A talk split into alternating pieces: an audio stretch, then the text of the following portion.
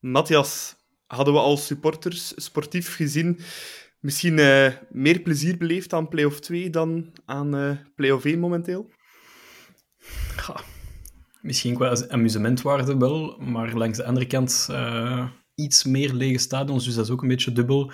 Maar laat ons zeggen dat we er veel meer hadden van verwacht in deze play-off 1. een 0 op 6 had niemand gedacht na onze goede remontade op het einde van de reguliere competitie. Dus het is een serieuze teleurstelling, maar ik sta toch nog liever altijd in, in play-off 1. Ja. ja.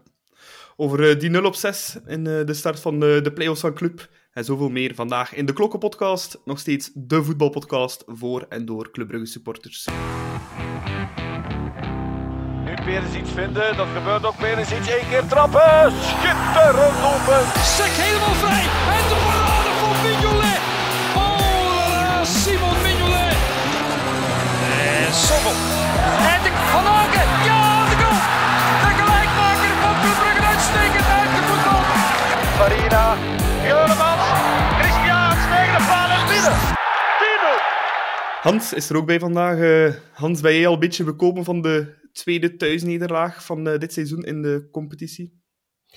Ja, het verwachtingspatroon voor de wedstrijd lag in feite laag. Dus, uh, um, en ik heb nooit het gevoel gehad, uh, zoals andere jaren, dat we die play-off 1 vibe echt uh, binnen club voelden. Dus ook zaterdag niet. Dus bekomen. Ja, ik had natuurlijk liever punten gehaald, maar het was ook voor de wedstrijd. Iedereen zei, ja, moeten wij feiten, want voor clubsupporters uh, willen we er alles aan doen dat Antwerp geen kampioen speelt. Uh, en het was dubbel, hè. dus voor de wedstrijd zeiden we, ja, maar ja, als we winnen, dan, uh, dan geven wij feiten, gaan we een, een helpende hand geven aan die anderen. Um, en ja, het was een beetje ook allemaal gelaten. Dus bekomen, ik heb het vlug en snel kunnen verwerken in feite, die nederlaag. Omdat ook het besef al gauw kwam dat die vierde plek uh, dat we daar toch niet meer van weggeraken uh, na zaterdag, na het weekend. En we gedoemd zijn om uh, de resterende vier wedstrijden scherprechter te spelen in het titeldebat. Dus nee, dus echt verwerkt. Ik heb amper moeten bekomen van, van die nederlaag. Ja, voor die Matthias, supporters waren wel op post, want lag zowaar nog een keer een tifo in het stadion. Ja. Heel de Noordtribune gevuld met een, een mooie Come On You Blues. Um, alleen, ja, het enige dat tante was, niet iedereen was al aanwezig op zijn, uh, op zijn stoeltje in het stadion. Hè. Um, waardoor er wel wat lege stukken waren in de tifo. Ze hebben dat ook gecommuniceerd, Noord Fanatics, die de tifo heeft gelekt trouwens. Uh, dat ze wel een beetje jammer vonden. Maar ik denk dat er wel verschillende oorzaken zijn. Hè. Ja, misschien hebben de mensen hetzelfde probleem als, uh, als mij kent. En ik denk als jou ook, Nicola. Want ik ja, had, ja, uh, ja, eigenlijk in mijn Google-kalender stond het op uh, half zeven, deze wedstrijd. En, en plots merk ik op dat de opstelling lekt om vijf uur. En toen dacht ik van, oei, dan zal het toch zes uur kwart zijn. Dus toen moest ik eventjes met rippen naar Jan Breidel. Maar ehm, het was wel een beetje nipt, want ja, ik had echt wel ja, ik had 6 uur 30 verwacht. Dus uh, misschien was dat ook zo in de mindset van de, van de mensen. Want ik denk wel dat iedereen toch wel op tijd wil komen voor een Club Union, play-off 1, tweede wedstrijd. Uh, Oké, we hadden wel net verloren tegen Genk, dus uh, dan weet je dat... zelfs op plek 3 was al een hele moeilijke. Maar ja, wie weet, hebben de mensen zich vergist? Of, of ligt het misschien aan iets anders? Misschien aan de vakantie? Of ik zou het eigenlijk niet weten. Ja, maar ik, ik had juist hetzelfde voor als jou, Matthias. Dus ik was ook vertrokken naar het stadion met de gedachte dat de match om half zeven was, zoals het al zo vaak is geweest dit seizoen. Ja. Maar blijkbaar is het op zaterdag is het kwart na zes. Uh, dus ja, dat zorgde wel wat voor lege plek, want je zag wel, als de match vorderde, dat stadion wel nog voller en voller geraakte. Dus denk dat dat echt wel een, een dingetje was. Dat mensen uh, dachten dat het om uh, half zeven was in plaats van kwart na zes. Ja. Um, wat dat misschien ook wel een beetje had geholpen, Hans, was misschien dat ze nog voorhand hadden gecommuniceerd dat er een tifo was. Uh, want ik was, allee, bij normaal vrijwel op de hoogte als er zo sfeeracties gedaan worden. Als, maar ik wist van niks. Ik kwam in het stadion, ik zag, maar tifo, heel leuk. Um, maar dat zorgt ook wel dat mensen vroeger naar, de, naar hun zitje gaan gaan ook. Hè. Ja, vooraf werd er niet gecommuniceerd. Ik wist nu wel via via dat er in de boven- en beneden Noord bladen uh, lagen en dat we geen vlaggen konden hangen over de reling tussen de beide uh, Noordsecties. Maar wat er juist ging gebeuren en dat het ook een actie was vanuit uh, North Fanatics, dat hadden we ook doorgekregen. Maar zeg maar, de, de, de grote Brugse achterban was niet op de hoogte. Maar dat neemt niet weg dat iedereen toch verondersteld is van te weten wanneer dat uh, ja. de aftrap van die wedstrijd zou doorgaan. Ik heb het probleem niet gehad zoals jullie. Maar ik zit dan ook met een zoon die, uh, die, die daar heel uh, fel op zit en, en heel goed weet wanneer een wedstrijd wordt gespeeld. Dus nee, het is een samenloop van omstandigheden en ook de non-communicatie vooraf ja. heeft ook meegespeeld. maar de, maar, Goed, al bij al, uh, want ik, ik las dan ook een aantal reacties van, ja, tegenvallend resultaat. Ik vond het best oké, okay, dus ja, uh, achteraf gezien die, die foto's die dan ook uh, werden genomen van heel die, die Noordtribune. Ik vond het best een geslaagde actie en nogmaals chapeau, want ik weet vanuit mijn Blue Army tijd hoeveel tijd en energie daar wordt ingestopt om heel die Noordtribune te voorzien van, van die um, papieren um, van die papiertjes. Dus dat is echt een huzarenwerk. Dus uh, chapeau dat de clubsupporters die, die moeite zich nog getroosten. Want het geeft toch altijd een extra pigment aan een wedstrijd.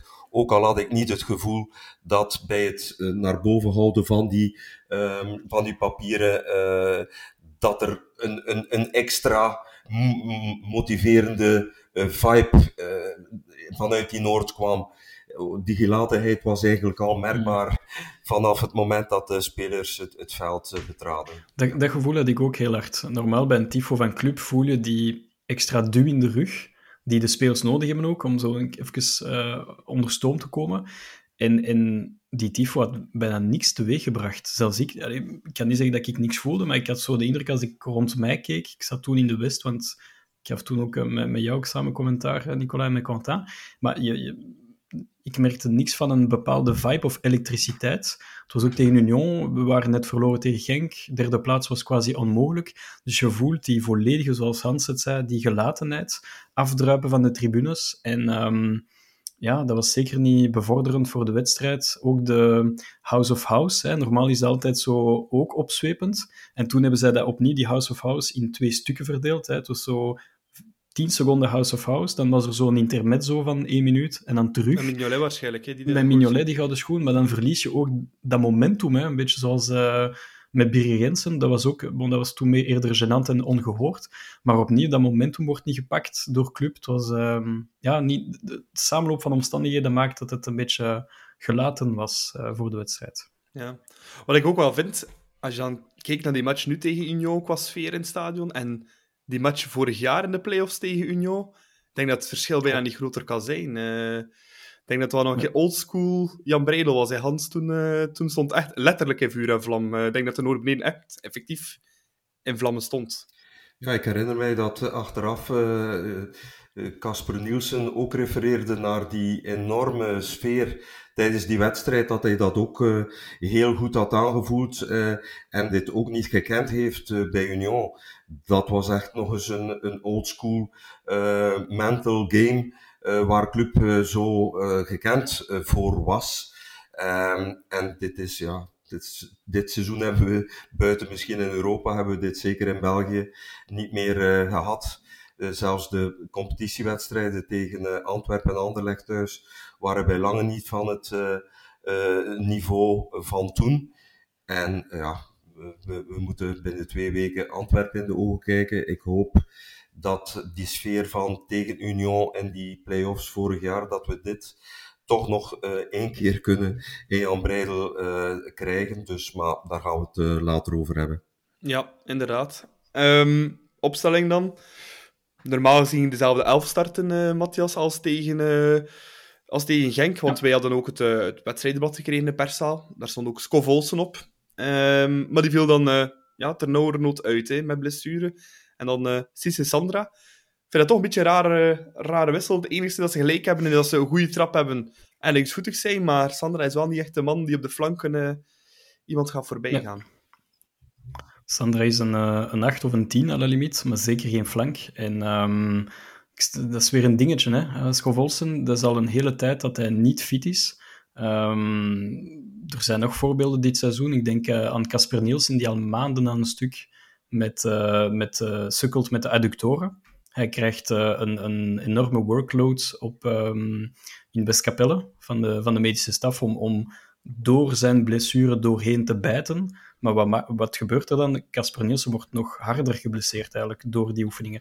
En ik denk dat dat ook het geval is bij Scovolsen, die al nadrukkelijk heeft laten weten tegen de medische staf van jongens, ik, uh, ik ben geblesseerd, dus uh, ik, kan, ik kan niet spelen. En, uh, maar bon, het is opnieuw een, uh, een foute keuze, denk ik, van de medische staf om die toch te willen laten spelen tegen Union. Terwijl dat, uh, ja, naar het schijnt heeft hij toch wel een, uh, een, een licht scheurtje aan de kuit. En dan denk ik van, oei, dan, dan ziet het er niet goed uit. Maar het is eigenlijk... Scovolsen is al een hele seizoen door een samenloop van omstandigheden. Hij, hij speelde om de drie dagen voor het WK, dan komt, er, dan komt het WK. En hij is eigenlijk nooit hersteld sinds zijn terugkeer van, uh, van Qatar. Dus uh, ik denk dat we Scovolsen niet meer gaan zien, uh, of amper gaan zien dit seizoen. En ik denk dat hij dus quasi zeker verkocht wordt. Dus we hebben er goed van kunnen genieten vorig seizoen. Maar dit seizoen lijkt me wel een. het, zou, zou mij heel erg sterk verbazen mocht hij nog terugkomen.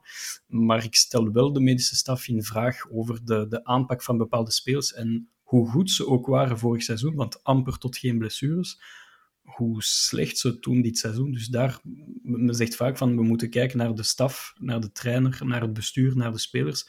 Maar ik vind wel dat de, de, de, de medical staf ook uh, naar kan gekeken worden, want, um, want ja, Scovolsen was totaal niet uh, bekwaam om te spelen tegen Union. En de keuze voor uh, Cisse Sandra, dat tart elke verbeelding. Ik had altijd Talbi of uh, Noosa verwacht op de rechterkant. Iedereen, denk ik. En de keuze voor Cisse Sandra, ik snap het niet. Want het helpt de jongen zelfs niet. Want hij speelt... Hij heeft het al moeilijk vijf minuten voor de wedstrijd te moeten vernemen van oké, okay, ik zal moeten spelen last minuut en niet op mijn beste positie. Dus voor deze jongen is, is het nee, zeker niet fijn om op die positie uh, post te vatten. En anderzijds, we hebben twee, in mijn ogen, betere spelers die daar kunnen spelen. Dus uh, zeer opmerkelijke keuze van Rick mm -hmm. de Mil. Ja, want Hand, uh, nagenoeg door al die blessures ook, bijna heel de bank bestaat uit uh, next-spelers, hè? Ja, ik had daar ook uh, Noosa verwacht uh, en zeker niet Sisse Sander. Ik denk dat Sisse het verdiend heeft op basis van zowel heel goede, felle invalbeurt op Genk. Die laatste 10 minuten, kwartier heeft hij toch wel, maar dan vanuit de centrale rol, nogmaals niet mm -hmm. als flankaanvaller. Maar goed, Rick uh, ziet die trainingen en was dat de beloning voor zijn puiken invalbeurt op Genk? Misschien. Um, en dan effectief, je stelt vast dat het laatste kwartier, zowel uh, op Genk als nu uh, tegen Union thuis, dat er vier, vijf uh, jonge spelers worden ingebracht. Um, die dan nog Talbi, Romeo Vermand. En toch had ik het gevoel, en misschien ben ik verkeerd, dat de inbreng van onder andere Romeo Vermand, ondanks zijn beperkingen op vlak van voetballend vermogen, maar een ongebreidelde grinta, dat dit toch nog enigszins wat uh, extra pigment heeft gegeven, vuur in de pan heeft gestoken, door die duels met Burgess. Ja. En het contrast tussen die, de gretigheid van die jonge veulens met de gelatenheid van, die, um, van onze oude krijgers, dat was zo groot, vond ik. En ondanks misschien het minder talent bij die jongens, maar die inzet, dat compenseren ze dan met die inzet. En ja, natuurlijk kun je niet met die vier, vijf jongeren uh, een wedstrijd tegen Antwerpen aanvatten, want uh, uh, het, het, is nu al een beetje, ook tegen Union had ik het gevoel dat jongens, jongetjes tegen mannen ja. waren. ook, ook, ook Antwerpen zal op, op een heel viriele manier ons tegemoet reden, gesteund door zijn fanatieke publiek. Dus daar hebben we echt krijgers nodig en mannen met baarden. Dus, maar goed. Uh, positief dat, dat die 17, 18-jarigen kunnen proeven van uh, het, het, voetbal op het hoogste Belgische niveau. Um, negatief, je kunt niet met hen naar de oorlog. Dus, uh, nee. um, maar ja, dus toch hoophevend voor die mannen dat ze extra minuten krijgen, voor die ervaring op te doen. Um, heel mooi. Dus, maar onvoldoende om daarmee naar de oorlog te trekken de komende twee wedstrijden. Ja, ik had hier hetzelfde genoteerd op mijn blad ook. Uh, Mannen vs Next jongens. Dat gevoel had ik inderdaad ook wel ja. een beetje. Allee, het was inzet, daar ontbrak het zeker niet aan. Maar inderdaad, zoals je zegt, uh, die mannen van Union, dat is een uitgekookte ploeg. heel veel ervaring. En ja, als dat dan inderdaad, zoals je zegt, zondag tegen Antwerpen, daar is uh, nog meer ervaring, nog meer uitgekookt, nog fysieker. Um, dan gaan we wel de, die foto de van, oudere harde nodig hebben. Die foto van Burgess die foto van Burgess en Candoes met, in een uh, sandwich met Noah Lang, dat was voor mij typerend aan deze wedstrijd. Je voelt die twee sterke beren die, die, ja, die, die zelfs geen dijk van een match, maar die, die gewoon een goede match spelen. Maar ja, ik had het gevoel dat elke clubspeler gewoon ja, één of twee niveaus lager speelde. En dat had puur te maken met lichtgewichten tegen, tegen ja, monsters achterin. En ja, Union speelt het leep natuurlijk al, al twee jaar. Dus uh, dat, was, dat was zaterdagavond niet mm -hmm. anders. En ze kwamen dan nog een keer op voorsprong, Hans, met een, uh, ja, een hele mooie goal hè, van uh, die Boniface. Als er nu één spits is, dat wij, of het soort spits dat wij hadden kunnen gebruiken, dan liep die wel rond bij Union voor dit weekend geloof het of niet, maar twee minuten ervoor zei ik nog tegen mijn uh, clubmaat naast mij, ik zeg die Boniface, uh, ik had er veel meer van verwacht, die zit echt niet in de wedstrijd. En twee minuten later scoort hij daar echt een vintage uh, goalgetters goal, waar we allemaal gewoon maar jaloers kunnen op zijn. Ja. Want op dat moment domineerde de club volledig, had controle, we creëerden niks, buiten een paar kopkansen op corner en stilstaande fases. Uh, het was totaal tegen de hang van het spel in, maar ja, dat is uh, uitgekookt. En ja, met alle respect, uh, wij hebben geen Boniface vandaag in de spits lopen. ja. Dus, ja. ja, want Matthias, die goal, allee, ik vind dat niet eens slecht verdedigd zelf, die goal. Het is gewoon fantastisch gedaan, hè, van, van die Boniface bal bijhouden, wacht op het juiste moment en perfect afgewerkt. Hè. Laag, over de grond, hard, denk ja, een centimeter of vijf naast de paal veel beter kan je het eigenlijk niet doen, bijna. Het heeft alles te maken met, het heeft alles te, maken met de juiste loopbeweging. Want je voelt als Siebe van der Rijden opschuift met de bal aan de voet, dan voel je ook Boniface, en ze hebben dat waarschijnlijk ook getraind uh, of geoefend op training, um, voel je ook, hij gaat weg van Jorne Spileers. En net op dat moment geeft Siebe van der Heijden de lange bal. En dan stieft hij hem ja, mooi over Jorne Spileers. Het is, gewoon een fantastisch doelpunt. En um, ook al heeft Jutgla misschien betere statistieken dan Boniface, want ik denk dat hij misschien één of twee goaltjes meer heeft gescoord. Maar ik denk dat Boniface eh, ten eerste belangrijkere goals maakt en ten tweede hij laat een ploeg opschuiven, zoals Wesley Moraes het ook deed bij ons. En dat is het gigantisch verschil tussen... En ik denk nog altijd, Jutgla heeft een oké seizoen achter, achter zich, maar Jugla kan veel beter renderen in een twee-spitsen systeem. Zet Jugla in een 4-3-3 op, een eiland, op een eiland tegen uh, Alderwereld, Pacho, Candoes, Burgers, noem maar op. Forget it, je lost het probleem niet op voorin, dus uh, forget it. En ik zou, als, als Rick de Mil opnieuw met een 4-3-3 speelt met Jugla op zijn eentje, dan gaat het falikant aflopen zondag. Dus, um, maar dat is een gigantisch verschil natuurlijk tussen uh, een Boniface, Wesley, Ossiman-achtige type, die we absoluut hebben gemist dit seizoen. Want Jaremchuk is dat zeker en vast niet zo'n type spits. En Judla ook zeker niet. En, uh, en aan de overkant ja, natuurlijk een, uh, een, een coole killer die het, die het wel kan, mm -hmm. kan afmaken. Ja, Hans, je zei het net, het was een beetje tegenhang van het spel in die goal van Union, want club had wel die controle. Dan denk je, ja, tweede helft, oké, okay, kom, en nog geen man overboord. We kunnen alles tegenaan. Denk uh, eh, 50 seconden, tweede helft. Afgeweken bal. En Mignolet die ja, zijn gouden schoen had gekregen, had misschien beter een gouden handschoen gekregen. Want uh, die mag toch echt wel niet binnen, die bal. Ja, die bal week dan wel nog af op Spileers, hebben we allemaal achteraf kunnen zien. Ik had het niet gezien live in het stadion. Ja. Maar uh, Simon geeft ook toe, en ja, daar is hij wel professioneel genoeg in, dat hij die bal altijd, uh, altijd uh, uh, moest hebben. Dus ondanks die, die, die, het, het, feit dat hij van de richting veranderde. Dus ja, maar het is symptomatisch voor die wedstrijd. Hè. Dus zowel Hans als Simon, die de ploeg niet op een hoger niveau konden tellen.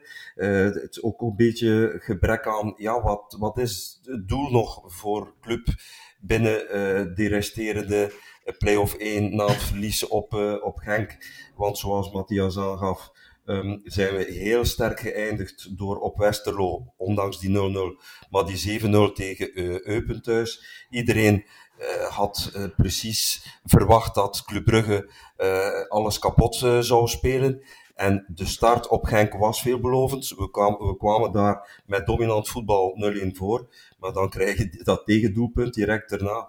En dan zijn we ook fysiek afgetroefd geweest. Dus we hebben een valse start genomen.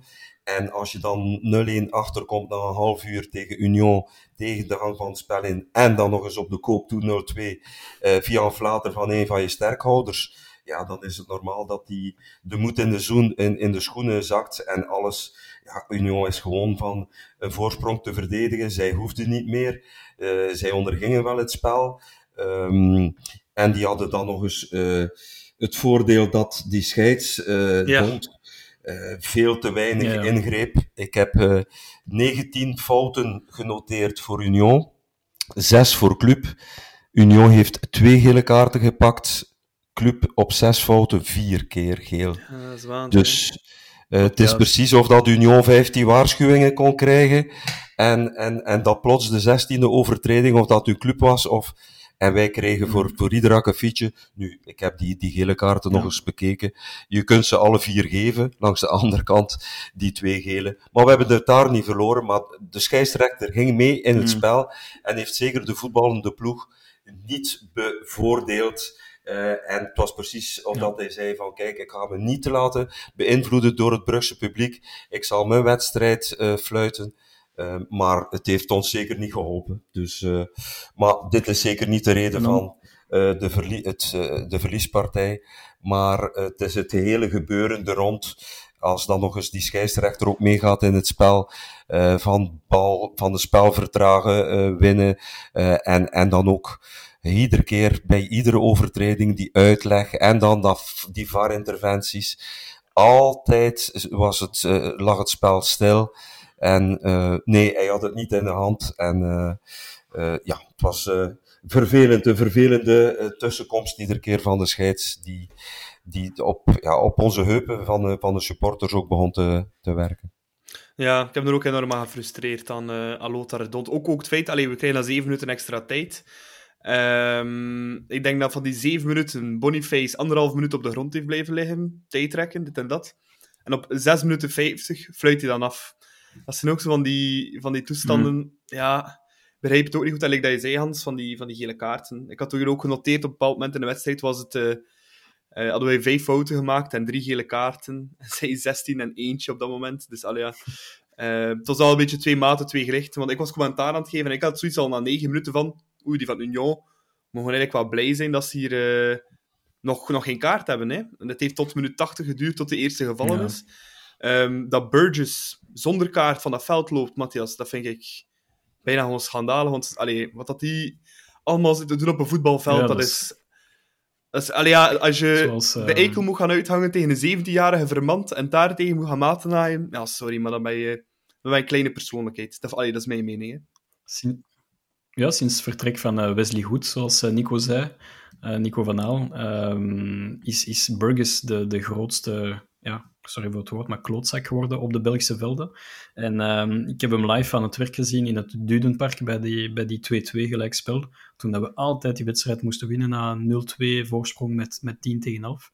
Maar uh, die, die jongen kent de klappen van de zweep. Hij weet exact uh, welke trucken van de voor hij moet uithalen om, uh, om een ploeg of een tegenstander helemaal uit de wedstrijd te brengen. En hij doet dat op, op meesterlijke wijze. En hij, hij eindigt vaak wedstrijden zonder gele kaart. Dus het, uh, het is, ongelooflijk. Maar misschien om, om terug te keren op, um, op, op de basisploeg van Riek, want daar stel ik mij persoonlijk ook vragen bij. Vier van onze vijf offensieve uh, posities werden eigenlijk ingevuld door spelers zonder enige snelheid. Sandra, Rits, Van Aken en Jutla. En dan heb je nog Noah Lang, dat is de vijfde. Die heeft wel snelheid, maar hij komt altijd ja, de bal ja, halen in de voeten van Björn Meijer of Hans van Aken. Dus eigenlijk speel je met vijf spelers die, die 0,0 diepgang hebben en die geen snelheid hebben. Dus hoe kun je dan Union uit verband spelen met die vijf offensieve spelers op het wedstrijdblad? Dus daar stel ik mij echt vragen bij. En, um, en ik geef eerlijk toe, zaterdagavond was constant balletje breed, balletje achteruit, len naar voren, puur uit machteloosheid. Jutla verliest het kopduel tegen die twee bomen van verdedigers. En hopla, en opnieuw terug en terug en terug. Dus die, er zat geen lijn in en dat verbaast mij misschien het meest, vergeleken met die wedstrijden op Westerlo en tegen Eupen, waar dat er wel heel veel lijn in ons spel zat. In Genk, eerste, eerste helft ook, en sinds de tweede helft op Genk en die wedstrijd thuis tegen Union, niks meer van lijn in ons spel. En je moet een keer goed letten op Hans van Aken, Want hij is wel nog altijd onze kapitein, de metronoom. Als hij sloft en als hij wandelt over het veld, dan wandelt heel de ploeg samen met hem mee. Want hij geeft het ritme van de ploeg. En, en na tien minuten tegen Union werd het mij duidelijk van oké, de hele ploeg gaat blijven sloffen en wandelen, want onze captain wandelt ook. En, en daar ligt het probleem. En nogmaals, ik ben een grote fan van Hans van Aken, maar, maar dit seizoen wordt het licht pijnlijk wat hij, wat hij van niveau heeft. En ergens hoop ik misschien dat een West Ham of een andere ploeg komt, want oké, het probleem ligt niet alleen bij hem, maar het is, ja... Ja, we hebben het al vaker benoemd, het is, het is geen leider, hè. Het is, het is geen natuurlijke leider, hè. Ik denk dat, er, dat Hans ook al iemand is die andere mensen nodig heeft op het veld die mee het voortouw nemen, hè. Ja, en snelle spelers ook, om te lanceren in de diepte. Dat is een En belangrijk heeft punt ook geen concurrentie hè, op die positie. Nee. Eerlijk, als hij uitvalt, wie, wie, wie zal hem vervangen? Dus hij speelt in een zetel. eh, hij heeft die, eh, Ja. die druk eh, niet van die ene die, die op de bank zit, die eventueel bij een mindere prestatie Hans kan vervangen. Dus we moeten zeker werk maken van een doublure of minstens iemand die het vuur aan de schenen legt van, van Hans, want hij, hij, hij, hij is te zeker van zijn positie. En dat is nooit goed eh, Ja. qua motivatie. Ja. En wat dan nog meest van al verontrust over Van Aken is eh, ja, die zijn interview nadien. Eh, er werd hem dan de vraag gesteld van ja, volgende week eh, tegen Antwerpen gaan jullie extra gemotiveerd zijn om hen van de titel te halen? Hans' antwoord was, het interesseert me niet. Nu, ik snap het wel vanuit een bepaalde optiek dat hij het zegt. Ehm, Ja, om de neutraliteit ja, te en dan ook behouden. om te zeggen van, kijk, ja, als club niet is die niet kampioen kan spelen, dat interesseert het me niet. Dus ik vind dat van daaruit nog... Maar ja, dat is Mhm. natuurlijk... Ja, ik vind, blijf het wel geen slimme reactie vinden. Je kunt beter zeggen van, ja, tuurlijk, we zijn altijd gemotiveerd om, om te winnen. Zoiets kun je ook zeggen. Eh, Ja, je voelde wel hij een beetje... eh, Hij had er lak aan op het einde van de wedstrijd. En dat is het probleem. Hè, met, met, en, en Hans heeft bijzonder veel rendement gehaald door in zijn carrière bij club met een Limbombe voor zich, een Diaby voor zich, een Izquierdo voor zich. Hij heeft die lopende spelers voor zich om die te lanceren in de diepte en dat zij dan, die snelle mannetjes vooraan, het verschil kunnen maken. Maar als een Noah Lang de bal komt ophalen in zijn voeten, dan is, dan is Hans van Aken echt eh, eh, bijna nutteloos in, in die team. En hij zal natuurlijk blijven scoren, want hij scoort op het einde van de wedstrijd een typische Hans van Aken kopbalgoal. Maar in de wedstrijd zelf, en al die jonge spelers, een Cisse Sandra, eh, een, een Rafa Onidika, die kijken allemaal naar Hans van Aken. En, eh, en als zij voelen van oké, het zit er niet in en hij slooft vandaag, dan gaan zij dat ook doen. Dus eh, ik denk dat we, ik zeg niet dat we hem sowieso moeten vervangen één op één, of dat hij moet vertrekken, sowieso.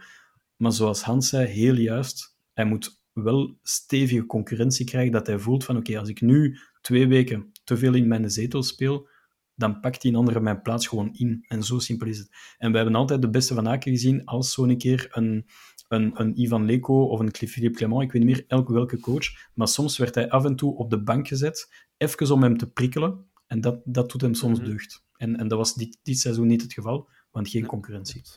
ehm, Hans, vond je het een, eh, eigenlijk een terechte nederlaag van club? Achteraf gezien, ik heb nu niet eh, het eh, balbezit bekeken, maar goed, eh, het is niet omdat iemand 60, 65 of 70 procent balbezit heeft, dat je dan meer verdient, want in voetbal komt het erop aan kansen creëren en die afmaken. Ik had het gevoel dat we zijn ook maar heel laat, die, hebben we die aan- aansluitingstreffer kunnen maken. Eh, hadden we gescoord 10 minuten voor tijd, eh, ging die vlam in de pan misschien wel nog geslagen hebben. Maar het was gewoon, de timing was niet goed om nu te zeggen dat het verdiende overwinningen was eh, van Union. Het was op zijn Unions, het was heel zakelijk en professioneel met alle middelen waarover Union beschikte. Niet mooi, het was geen mooie wedstrijd, maar veel te traag en te gelaten. Eh, ja, ik kon, ik kon leven met die, met, met die nederlaag.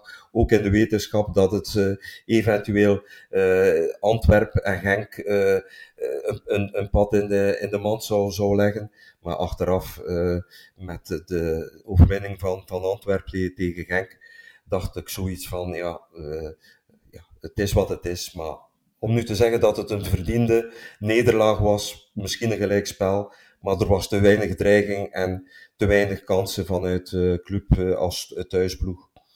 Mhm. Dus eh, ik kan ermee En, leven. je- en, je- En geen goesting ook. goesting, dat was voor mij het, het, het, het mankement. Eh, je voelde, zoals we zeiden, een beetje gelatenheid in de tribunes voor de wedstrijd. Ehm, en we zijn een klein beetje een, een reactiepubliek geworden. Als, als ze het niet tonen op het veld, dan gaan we ook niks brengen in de tribunes. En dat is, dat is al heel flagrant gebleken dit seizoen. Ehm, maar wat de spelers hebben getoond, die, de eerste helft, dat was echt... Er, zat niks in. Dat was... Dat was allee, ik heb amper die kopbalkans van eh Jorne Spileers, geloof ik, heb ik genoteerd. En die van Ehm, Meijer. de buitenkant van de... Maar ja, Ja, maar die van- kant, ja, die van Meijer is ook mooi- niet gecreëerd. Hè. Nee.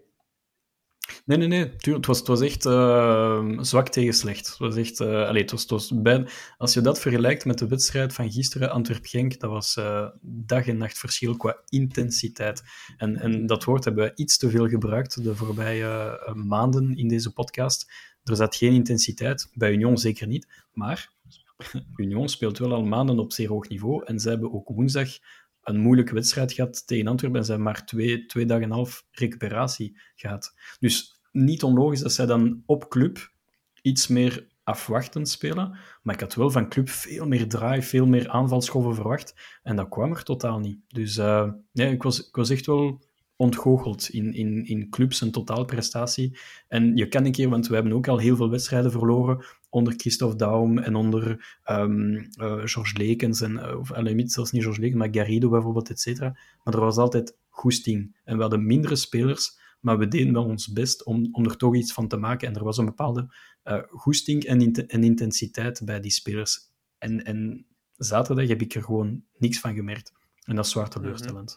Ehm in tussentijd, Hans, als we naar het klassement kijken, zijn we in een eh, Rode Duivel-scenario terechtgekomen eh, tussen 2002 en 2014. Mathematisch kan het nog. Maar eh, daarmee is ook alles gezegd. Ehm, ja, laat ik zeggen dat eh, voor mij de competitie, voor mij persoonlijk zaterdagavond en eigenlijk na de verlieswedstrijd op, eh, op Genk, eh, was dat al een beetje. Dus dat ik wel inzag dat die vierde plek, dat dit voor ons het, het maximale zou worden. Ehm, langs de andere kant, die speelt nog vier wedstrijden, waaronder twee thuis. Je zult sowieso als club scherprechter spelen in het titeldebat. En als, eh, club, als de clubspelers nog één motivatie daar moeten uithalen, is dat eh, ze moeten beseffen dat wij, clubfans, eh, wij willen niet dat Antwerp die dubbel wint. Dus zij moeten nu alles uit de kast halen, zowel zondag als de week erop, om in die dubbele confrontatie met Antwerp toch punten af te snoepen om eh, wie het ook wordt, eh, of dat het dan Genk of Union wordt. Maar ik denk dat dit wel leeft bij de clubsupporter, dat ze zeggen iedereen behalve Antwerp. En zeker niet op ons veld. Dus ja, we gaan eh, de komende twee wedstrijden hopelijk kunnen de spelers de motivatie vinden die, er nu, die ze nu ontbreken. Maar als ze nog enigszins iets willen redden van die Champions Playoffs editie 2022-2023, dan zou het wel kunnen zijn dat ze eh Antwerpen in feite die, die, die dubbel eh, kunnen eh, afhouden van die dubbel. Dat zou de motiverende factor moeten zijn. ehm, En die uitspraak van Hans is ook een beetje ongelukkig natuurlijk en uit zijn context getrokken. Hij wou zeggen van, ja, wie het dan ook wordt, mij kan, hij is het om het even, als wij het niet worden, dan eh, kan het mij niet schelen wie. Maar hij zal nu wel ook wel inzien de komende periode, de komende dagen en de aanloop naar die dubbele confrontatie met Antwerpen, dat eh, alles wat rond Club Brugge leeft, toch wel graag zou eh, zien dat we onze tanden togen tegen Antwerpen. Ja, we gaan dan ook meteen overgaan Ja. naar die match tegen, eh, tegen Antwerp, komende zondag eh, in de, de Bosuil. Matthias, ehm Noah Lang sprak eh, vlak voor dat we de play-offs ingingen over zweetbilletjes, dat we geen zweetbilletjes moeten geven, maar ik denk dat we nu al zelf een beetje zweetbilletjes hebben om naar, eh, om naar Antwerpen te trekken. Hè, want die mannen hebben eh, 10 op 11 gewonnen, krijgen amper goals tegen. Ehm, en de Bosuil is, ja, staat in vuur en vlam. Hè. Doet, denken aan de Breidel. hè. Eh, het was ook een beetje een oninneembare buurt op dat moment. En, eh, en dat gevoel heb ik nu ook. Ik heb, eh, normaal kijk ik weinig tot geen wedstrijden van, van Antwerpen doorheen het jaar. Maar gisteren waren zij niet speciaal ongelooflijk sterk qua voetbal. Maar het is, het is zo een moeilijk te bespelen ploeg. Ze, ze, ze, ze geven niks weg achterin. En voorin, met de weinige kansen dat ze hebben, maken ze die wel af. En, um, en, en oké, spelers als Bataille, Ekkelenkamp, uh, er zijn nog, nog, uh, nog een paar spelers uh, dat je denkt van oké, dat zijn nu niet de beste spelers. Maar het geheel klopt. En, en dat, is, dat is vaak een belangrijk element. En ze pieken exact op het juiste moment. Ze winnen die beker, ze winnen op Union, ze winnen thuis tegen Genk. Dus die zitten echt in die flow.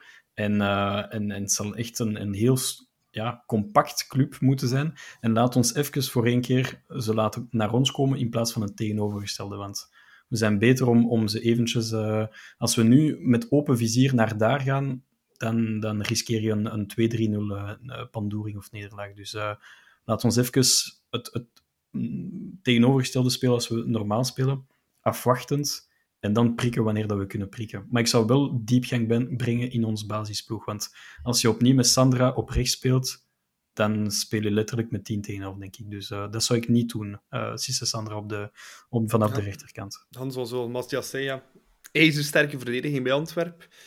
En wij komen heel moeilijk tot scoren. Uh, ja, het gaat niet makkelijk worden, hè. Het gaat niet makkelijk worden, maar uh, ja, misschien het vierkant op het middenveld en met twee spitsen, want uh, ik denk dat we toch een beetje die zekerheid zullen moeten gaan inbouwen in onze ploeg en niet zo naïef zoals we op Genk hebben gespeeld. Uh, want uh, we hebben daar alle registers op, aan, aanvallende registers opengetrokken in een eerste wedstrijd van de play-offs. Uh, alsof wij in feite die, die, die, die titel moesten halen en niet Genk. Dus als we op die manier die wedstrijd starten op Antwerpen, dan wordt het effectief heel moeilijk om recht te blijven. Dus ja, iets verdedigend, misschien, hè, zoals ik zeg, vierkant op het middenveld. En wat meer op de tegenaanval, op de omschakeling, speculeren met diepgang. Um, dit zou het recept moeten zijn om Antwerpen uh, ja. daar uh, te gaan bekampen. Uh, maar zij zitten in de flow. En als Hans, Hans, onze aanvoerder, al aangeeft dat hij zich moeilijk kan motiveren als Simon er ook, zoals zaterdag, begint te flateren. Ja, ik, ik heb er weinig hoop op, maar in voetbal weet je nooit. En um, wie weet, maar het, de huidige vorm in acht genomen van beide ploegen, um, wordt het een heel, heel, heel moeilijke partij. Uh, met uh, een, een, tactische aanpassing van onze opstelling gaan we het misschien wel langer uitzingen, maar anders, er moet zeker iets gebeuren aan de opstelling en aan de tactiek.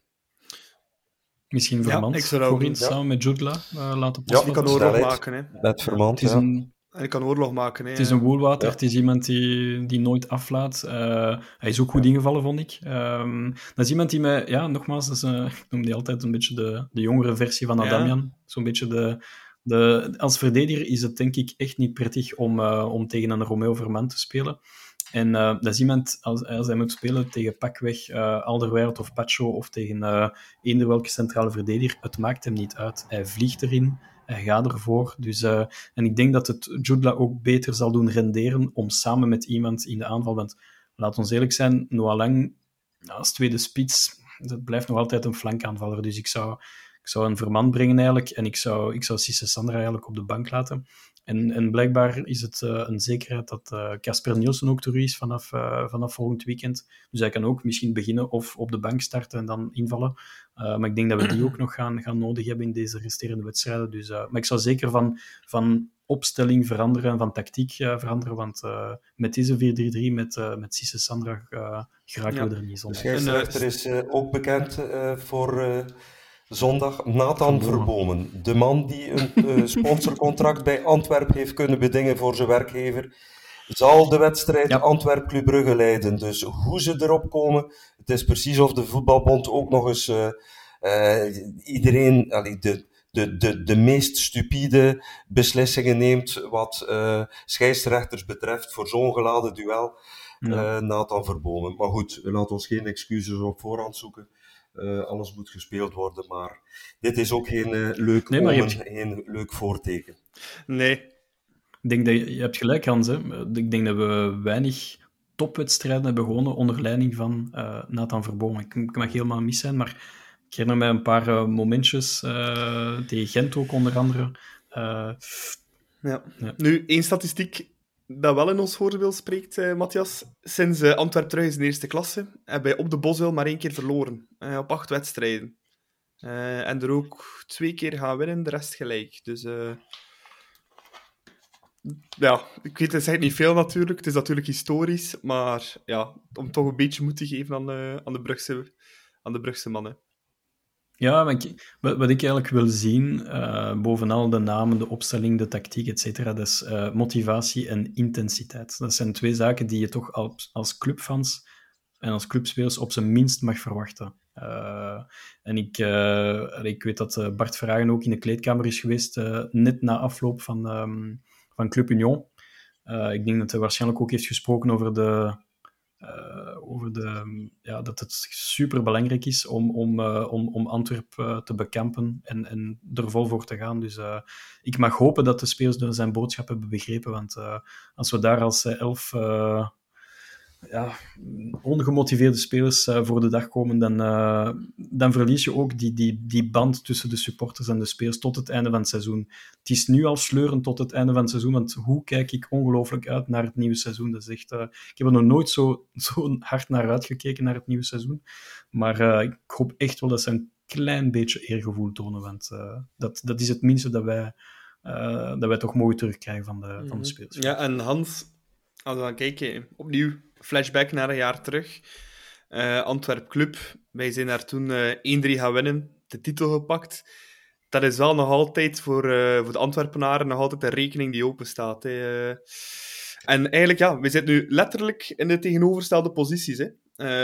wij stonden toen eerst, ja. Antwerp was toen een beetje het kneusje van de play-offs, dat week na week een rammeling kreeg. Um, ja, het enige verschil dat ik nu zie is dat zij bij ons volgend weekend nooit kampioen kunnen spelen. Ja, dat dus is waar. dit is wel ons voordeel. dat we daar uh, de titel hebben behaald vorig seizoen, is, uh, leeft inderdaad nog bij hen en, en heeft hen mm. pijn gedaan. Maar omgekeerd kunnen ze toch bij ons onmogelijk kampioen spelen volgende week. Dus dat is een kleine troost. Uh, en ik hoop dat Jan Breidel klaar is om om ze op een uh, gepaste manier eh, te ontvangen uh, volgende week dan. Ja, absoluut. Uh, ja. Hij moest al een puntje kunnen meepakken nu, dit weekend uit Antwerpen. Het zal al, het zal heel wat zijn, denk ik, voor ons. 1 op 6, ik teken nu al voor 1 op 6. Um, ehm, allee, dat, dat Antwerp dan 1 op 6 haalt tegen ons. Dat zou, uh, daar, daar zou ik echt goed mee kunnen leven. Ja. Ik, ik, ik toch altijd iets hoger, maar ja, bon, dat ben ik dan. ik ga wel een, Nee, nee, 1 op 6 ah, voor Antwerpen. Ja, okay. dat, wij 4 op 6 maar 1 op 6. Ja, ja, ja. Ah, ja, dat wij 4 op 6 ja, pakken. Nee, dat teken ik ook direct voor. Uh... Ja, dat wij 4 op 6 pakken. Ja. Um, pronostiekje. Antwerp Club. Ik zal nog zelf een keer openen. Ik ga een heel slechte kut 0-0 op de Bosheil. Nacho, vanaf minuut 1. uh, Matthias, zeg maar. Ah, wel, uh, wij winnen daar met 0-2. Ja, met de rug tegen de muur. Uh, plots uh, een, een uitgekookt club in een 4-2-2-2 uh, opstelling. met Vermand naast Jugla en, en we gaan ervoor. Vol een bak. Hans? Ik ga voor 1-1 en dat zou voor mij een, een, een enorme overwinning zijn. Ja, nou, dat zou inderdaad mooi zijn. Hè. Maar die van Matthias zou nog mooier zijn. Dus, Tuurlijk. Alle drie, alle drie de voor een keer ben ik de, uitkomen. Uh, heel graag. Ja, voor een keer ben ik de positieve van de binnen. Alright, genoeg over uh, de playoffs. Um, vandaag zijn we 8 mei. Um, dat is een dag dat heel veel clubsupporters ja, nog altijd in het uh, geheugen gestrift raakt. Het is vandaag 8 mei 2013, uh, 2023, excuseer.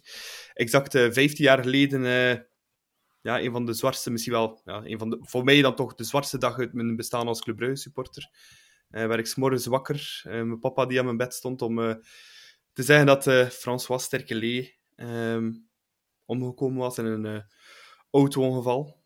Um, ja, ik word er nog altijd wel stil van als ik eraan terugdenk. Ik zag ook vandaag heel wat beelden terugpasseren. Uh. Hans, Hans waar, waar, was jij? Hoe, hoe heb je dat, uh, dat meegemaakt? 15 jaar ik, ik was gaan lopen die morgen. Ik stond onder de douche en ik keek op mijn gsm. Ik had vier gemiste oproepen van vier verschillende uh, clubfans. Dus ik wist toen, uh, hier klopt iets niet. En ik heb het dan uh, inderdaad vernomen, de eerste die ik dan opgebeld heb.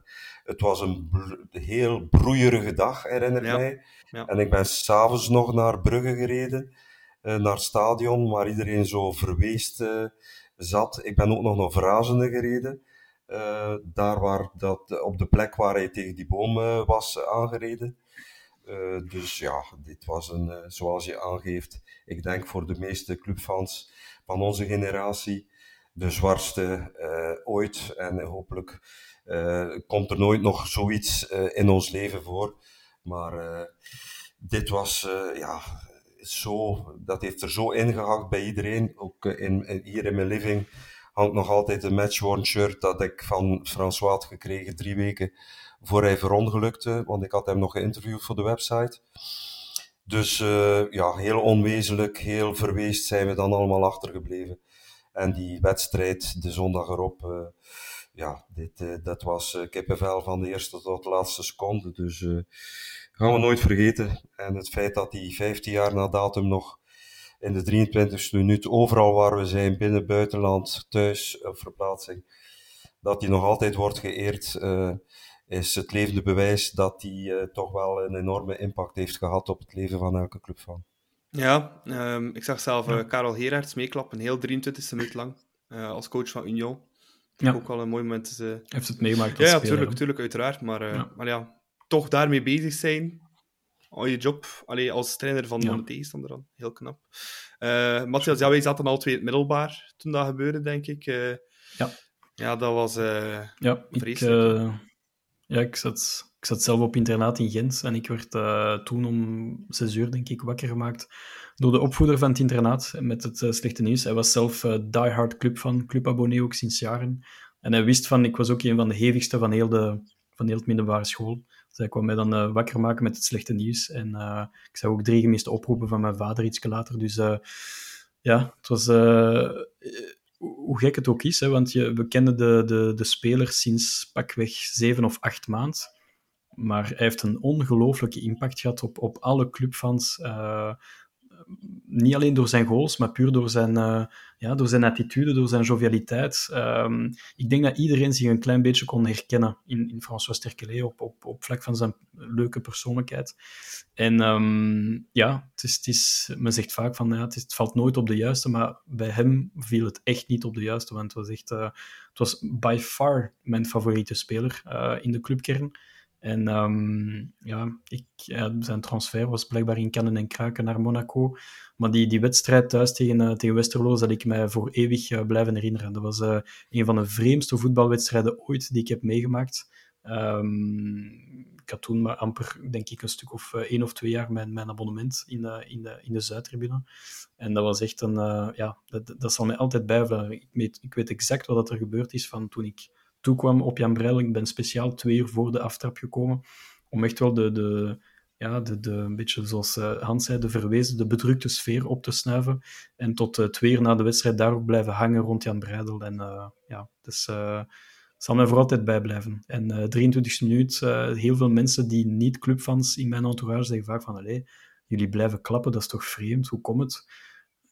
Blijf het doen, want het is, het is niet uit, uh, uit routine, maar je doet het gewoon omdat je iets hebt meegemaakt als clubfan. En, uh, en, en mensen die echt fan zijn van club, die, die kennen dat gevoel. Dus uh, ik zal het nog binnen tien jaar ook ja. doen. Ja, voor mij was het ook... ik was 13 jaar, zit in tweede middelbaar, ik weet het ook nog heel goed.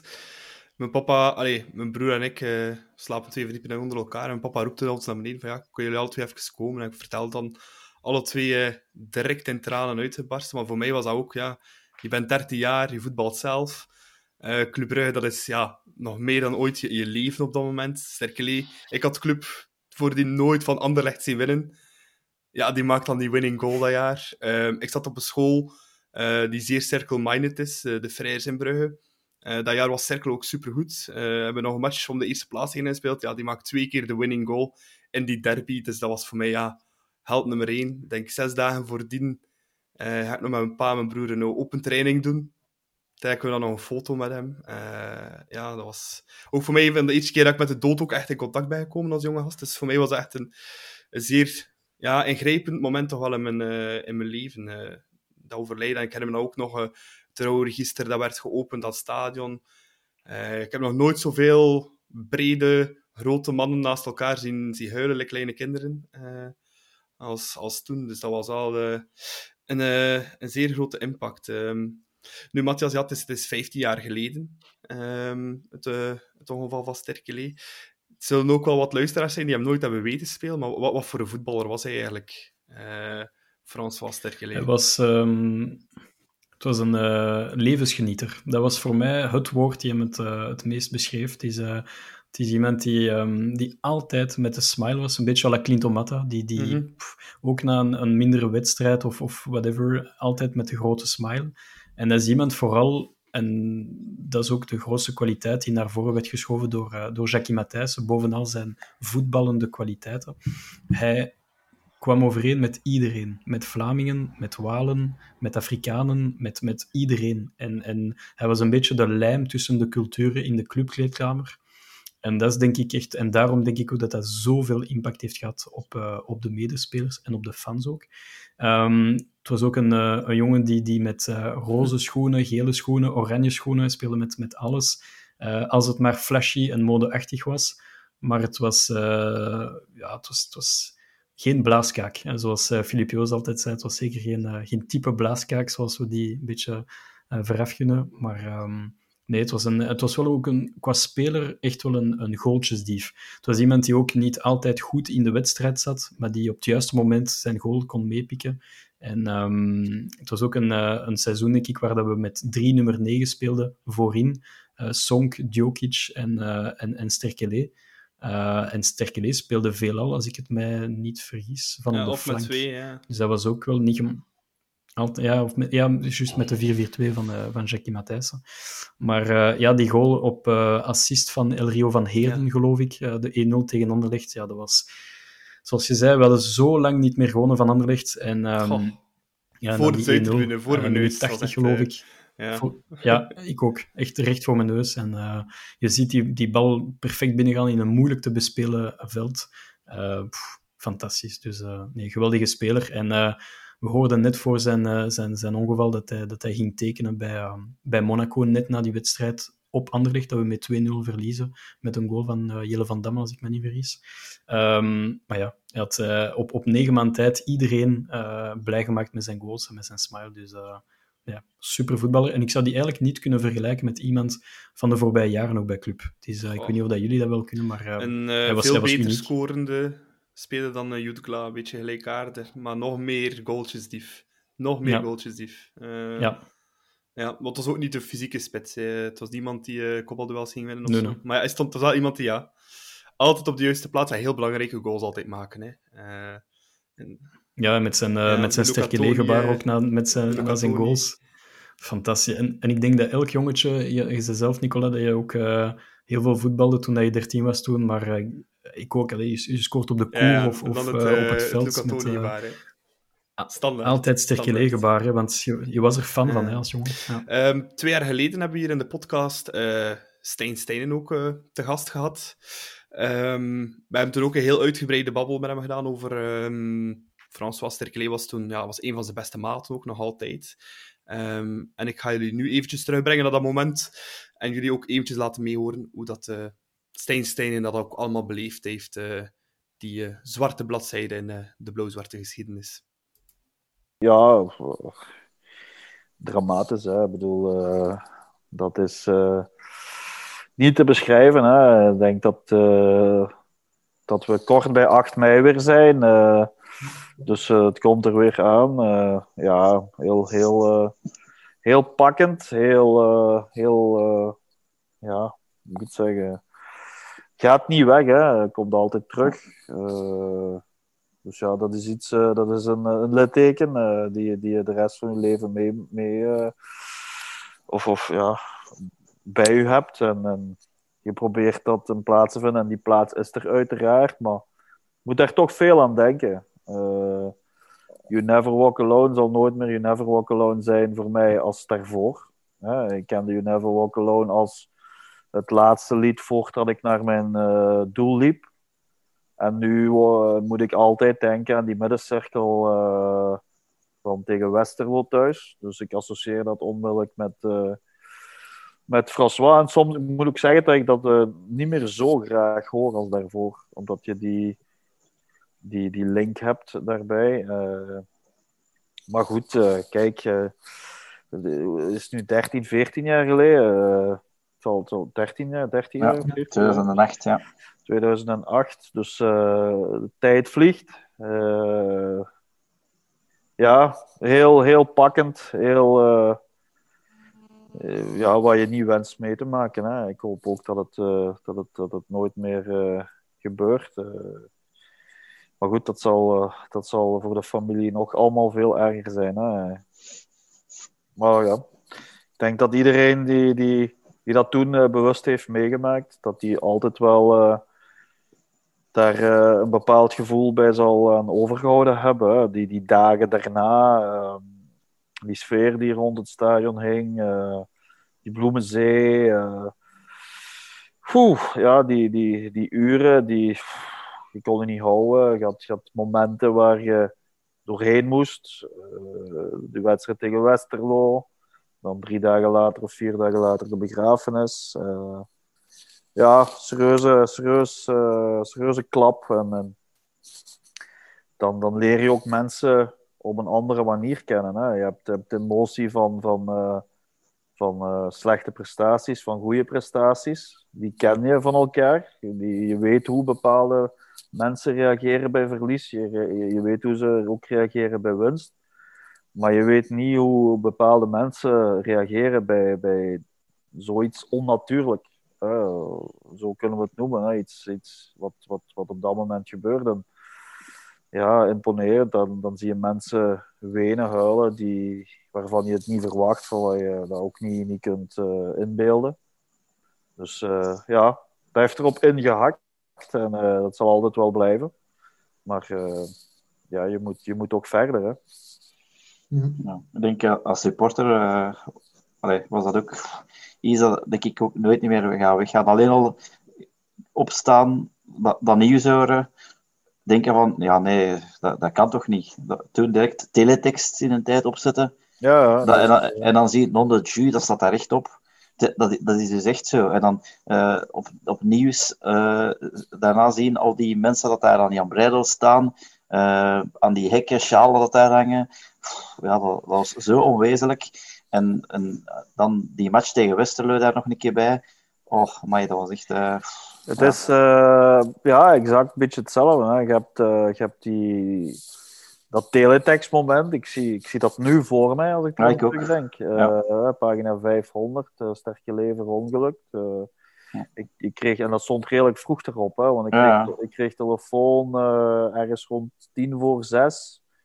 Uh, van mijn uh, broer of moeder, uh, een van de twee, die, die dan naar ons belde. En, en ja, goed, ik, ik zag dan, ik hoorde dan ja, Steven of mijn moeder belde. En ik keek naar de klok, 5 uur, 5 uur 50. Ja, dat associeert je dan eigenlijk onmiddellijk met, oei, er is iets met de familie gebeurd. Maar ik hoorde dan heel duidelijk van, ja, waar is Stijn, waar is Stijn? ja, die ligt hier. Ja, ja, sterke is verongelukt ik hoorde dat een beetje wazig, maar het eerste wat ik deed was mijn, was mijn tv-kast pakken. Ja. En, uh, en, uh, en op teletext opzetten. Dat was eigenlijk het eerste, eerste wat ik gedaan heb. Ja. En dat zag ik toen. Ja, een shock. of eigenlijk, ja, ik weet eigenlijk niet of ik goed bij besef was toen, maar gewoon opgestaan. En ik weet nog dat ik naar uh, Angleberg ben gereden toen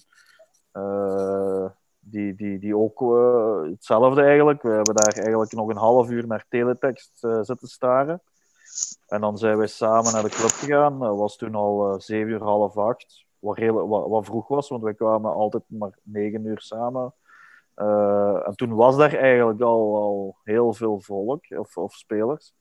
Stonden ook al stewards klaar, want normaal moesten wij op de klokken daar parkeren. Maar nu moesten we eigenlijk doorrijden, omdat de, de, de poorten gingen dicht, omdat je men ja, natuurlijk veel media had verwacht. En uh, ja, dan, dan, dan maak je die momenten mee, dat je daar mensen, mensen ziet wenen.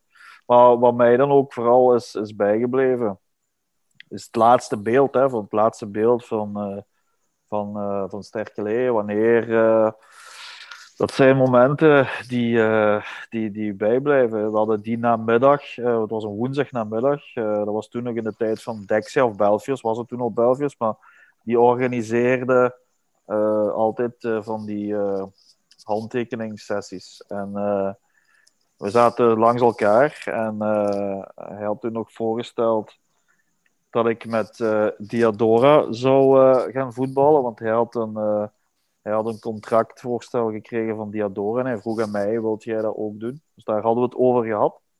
En ja, goed, een beetje nog zitten, zitten zeveren en lachen. Hij vertrekt, maar op, tegenover, de, tegenover de cafés is er een, is er een, een fotowinkel, photoshopwinkel. weet je waar ik bedoel? Ja, ik kan niet op de naam komen. Ja, daar is een foto. En, en daar was ik die dag, was ik die dag, omdat de week ervoor was er een supporter komen uh, een tekening brengen. Die, uh, als, als, als wij wonnen na de wedstrijd, klom, klom François al meestal op mijn rug. Wij waren altijd, om de een of andere reden liepen we eigenlijk altijd samen van achter. Ja. En sprongen nog wel eens op mijn rug en waren we altijd samen. En we kregen daar eigenlijk tien dagen voor, uh, voor zijn overlijden kregen we van een kleine supporter. Die kwam die tekening brengen en hij kwam binnengelopen. Hey, kijk, kijk, ik moet dat hier ophangen in, de, in, de, in het spelershal. En ik weet nog dat ik die, dat ik die, uh, dat ik dat, dat ik die tekening naar, naar de, uh, of, dat, of dat ik een kader was gaan halen bij, in die fotowinkel. En dat ik uitstap daar en dat hij passeert, stopt, nog klaksoneert, wuift en doorrijdt. En dat is het, uh, dat is het laatste eigenlijk wat ik, uh, wat ik van hem gezien heb. Ja, dat was het uh, fragment met uh, Steen Stenen. Twee jaar geleden opgenomen, voor, voor alle duidelijkheid. als je de aflevering nog eens wil beluisteren, gewoon terugscrollen. die kun je volledig integraal beluisteren. Het is nog een beetje langer, het stukje ook over Sterke Maar Hans, ja, kan je wel vertellen, het moment dat we dat interview afnamen, of die podcast deed met hem, heel emotioneel wel. Je zag echt de tranen in zijn ogen van, van um, Stijn Stijn. Dus ja, het maakt wel nog altijd iets los in mensen. Ik denk bij, bij ons allemaal ook. Ja, het blijft je pakken. Hè? Dus, en zeker als je dan samen die kleedkamer hebt gedeeld en wij als supporter die daar iets verder van afstaan, of, of heel wat verder van afstaan, eh, die impact, eh, hoe dit ons heeft eh, aangegrepen, wat moet dat dan niet zijn met, met spelers, collega's in die kleedkamer van toen. Dus ik begrijp wel hoe intens dat Stijn daar heeft van afgezien en dat dat voor hem een uh, litteken zal blijven voor de rest van zijn dagen. En die associatie met het, het bij uitstek, You Never Walk Alone, dat kan ik mij heel best voorstellen, want het was misschien wel de meest emotionele versie van You Never Walk Alone die we ooit met z'n allen hebben gezongen in Jan Breidel. ja, heel pakkend. Dus ja, het, het, het blijft mensen 15 jaar na datum nog altijd pakken. Dus ehm, ja, het is een heel emotionele week die, die we daar met z'n allen beleefd hebben. Dat heeft ook de band tussen clubfans enorm verstevigd. Het, het verbindende karakter van die tragedie mag je niet onderschatten. En ik denk, 15 jaar na datum, er zijn niet veel voetbalclubs in, in de wereld die 15 jaar na datum een voetballer die amper, zoals Matthias aangaf, acht maanden in ons midden is geweest, die die 15 jaar na datum nog altijd zo intensief zouden herinneren en, en, en en vieren in feite. Dus ja, heel sterk, maar dat is ook voor mij een bewijs dat Club Brugge een volksclub is, waar dergelijke tradities in, in ere worden gehouden. En um, ja, dat, dat is ja, zo mooi aan, aan Club Brugge ook, vind ik.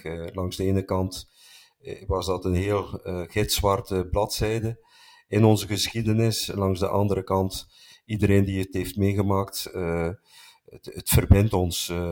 En de naam Sterkele uh, zal, en 23 zal voor eeuwig meer dan een getal, een cijfer zijn voor iedereen die blauw-zwart een warm hart toedraagt. Dus ja, het, het blijft uh, 15 jaar na de avond nog, nog altijd uh, vastgrijpen naar de keel. Ja. Mm -hmm. Dat ja, kan er kan niet, meer, niet meer aan toevoegen, Hans. Het is heel mooi. Um, ja, ik denk dat we ook stilletjes aan, aan het einde van onze aflevering zijn gekomen. Um, met Sterke nog altijd in het achterhoofd. Het zal nooit vergeten worden op, in het Jan Breidel stadion. En zoals Hans zei, het, heeft, ja, het was heel, heel zwarte bladzijde, maar het heeft ons wel ook allemaal verbonden. Ik denk dat het ook wel ja, een boodschap is die echt ook is meegegeven op dat moment. ik denk dat de clubfamilie nooit meer verbonden is geweest dan, dan toen. Maar ik herinner me ook er kwamen ook supporters van Paars Wit, uh, van Standaard, van Cirkel, van Gent. Allemaal sjaals hangen, uh, bloemen opsturen aan onze stadionpoorten. op dat moment kennen tranen ook gewoon geen kleuren. Dus we gaan ook op deze noot afsluiten. met Sterke in het achterhoofd. Bedankt Matthias om erbij bij te zijn vandaag. Bedankt Hans voor erbij te zijn. Bedankt aan de luisteraars om te luisteren. Bedankt aan de kijkers om te kijken. vandaag gaan we niet traditioneel afsluiten met uh, de jingle, maar met een uh, heel mooi stukje dat uh, Philippe Joos destijds heeft gebracht voor een hommage te brengen aan François Sterkele op het gala van de profvoetballer van het jaar in 2008, denk ik drie dagen na het, het overlijden van Sterkele. Ehm, hij is misschien niet altijd de meest geliefde commentator of sportjournalist in België, maar dit stukje is toch wel een van de allermooiste dat hij al gebracht heeft. Dus daarmee zullen we de aflevering ook afsluiten. Bedankt en tot volgende week.